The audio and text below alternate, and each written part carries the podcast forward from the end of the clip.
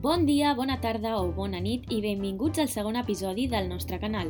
Avui us portem un nou episodi de les tècniques d'estudi que més ens han funcionat a nosaltres i amb les que millors resultats hem obtingut.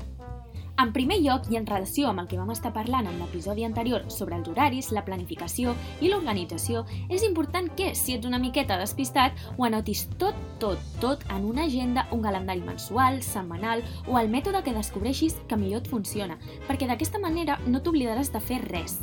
És important que trobis el mètode que millor et funcioni. Pots comprar una agenda de vista setmanal i que no sigui el millor mètode per tu. I és per això que has de saber que existeixen altres tipus, com les agendes de setmana vista, o fins i tot mètodes com el bullet journal. A més, ja que parlem de mètodes i tècniques personals, és important que coneguis les teves metodologies d'estudi ideals, com poden ser els esquemes, els resums, mapes conceptuals, lectures i subratllats, com moltes d'altres metodologies que podríeu aplicar més, com a estudiants actuals de pedagogia, us volem recordar que existeixen un gran ventall de recursos acadèmics a través de les TIC per al gust de tothom. Pel que tingui una memòria més visual, pot fer mapes conceptuals, esquemes de contingut, entre molts altres recursos.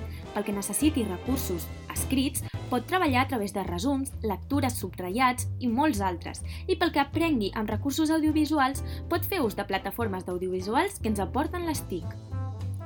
A més, un altre tip que us volem donar, i seguint una miqueta amb aquesta línia, és que és important saber que tenir tot el material essencial a mà ens facilitarà les... no tenir aquestes distraccions a l'hora d'estudiar.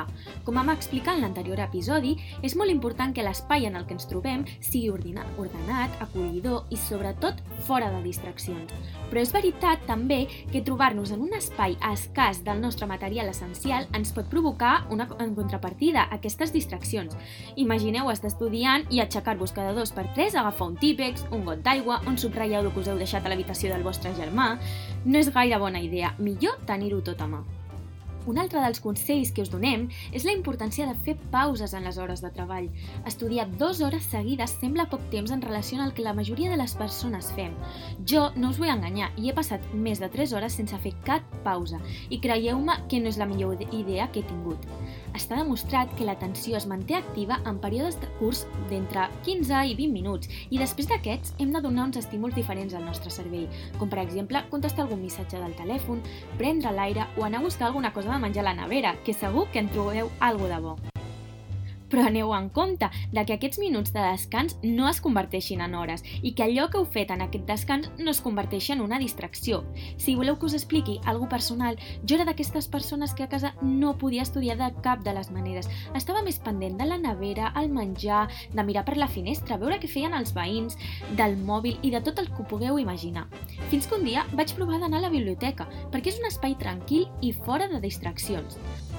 El que em va passar és que no tenia cap distracció a la biblioteca i és més, quan entrava, el meu cap canviava de xip i es posava en mode d'estudi total. Us recomano que ho proveu perquè a mi em va funcionar molt bé i vaig notar un gran canvi en quant a resultats acadèmics. Un altre consell que us dono és bàsic i importantíssim. Tingueu uns apunts de classe ordenats i ben fets. No es tracta de que quedin super macos per emmarcar, es tracta de que els entengueu a l'hora d'estudiar, perquè si no, és tot un estrès llegir els apunts i no entendre res. En aquest cas, aconsellem que els títols vagin sempre escrits en el mateix format, igual que també heu de fer amb els subtítols, posar colors on calgui i, sobretot, feu bona lletra. I per últim, però no menys important, és essencial que sentiu motivació a l'hora d'estudiar i ho podeu fer a través d'objectius o metes.